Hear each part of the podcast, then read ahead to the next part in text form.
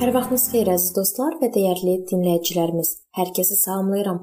Mənim adım Sona və sizi Allahla 5 dəqiqə adlı podkastımızda xoş gördüm. Bu gün biz müqavimət göstərməməyə müqəddəs kitabın baxışını araşdırmağa davam edirik və biz keçən görüş dedik ki, müqavimət göstərməmənin xoş bəhrələri də var. Birincisi müqavimətsiz həyat münaqişələrin qarşısını alır. Sınaqlar real və təhlükəlidir. Lakin məsihçilərin ürəyində özünə yuva quran sınaqdan daha böyükdür.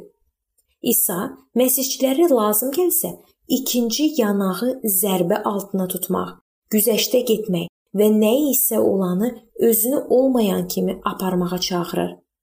Bu gün məsihçiliyi qəbul edənlərin çoxu əhd-i cədidin qüvvədə olduğu dövrdə əhd-i ətik hakimiyyəti altında yaşamağa çalışır. Bununla belə həqiqi məsihçilər bu sözləri deyən İsa Məsihin sözünə itaat edirlər. Sevin, dua edin. Matta 5:44. İkinci, qəlbində əsl müqavimətsizlik ruhu olanlar yerin duzu, dünyanın nurudur. Ardıcıl olaraq tətbiq edilən əsas məsihçi prinsipləri bizi əhatə edənlərə ümid verir və xeyir dua gətirir.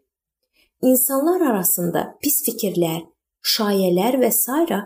o qədər tez yayıla bilər ki, lakin bunlardan heç biri müqəddəs kitabdakı müqavimətsizlik təliminə uyğun gəlmir. Buna görə də məsihçilər üçün yol verilməzdi.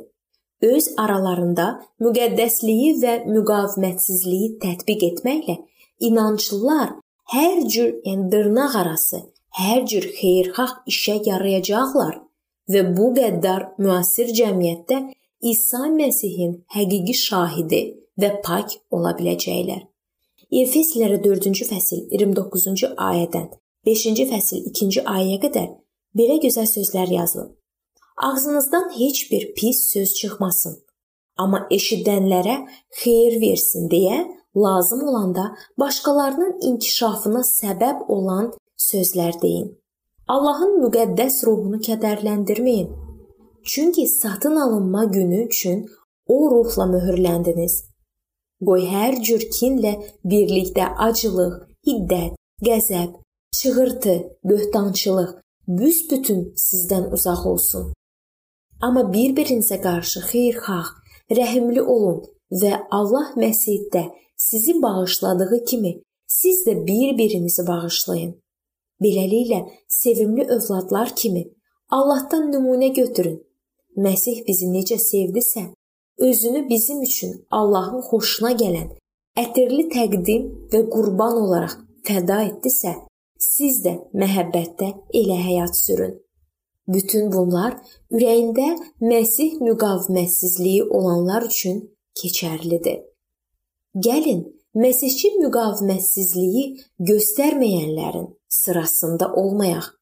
Lakin Allahın müqəddəslərinə məxsus ümidimizi qorumaqla ətrafdakılara müsbət təsir göstərməkdə davam edək. Qalatiyalara 6-cı fəsil 9-cu ayə ilə görüşümüzü bitirmək istəyirəm. Yaxşılıq edərkən ruhdan düşməyək. Çünki əgər həvəsdən düşməsək, vaxtında biçərik.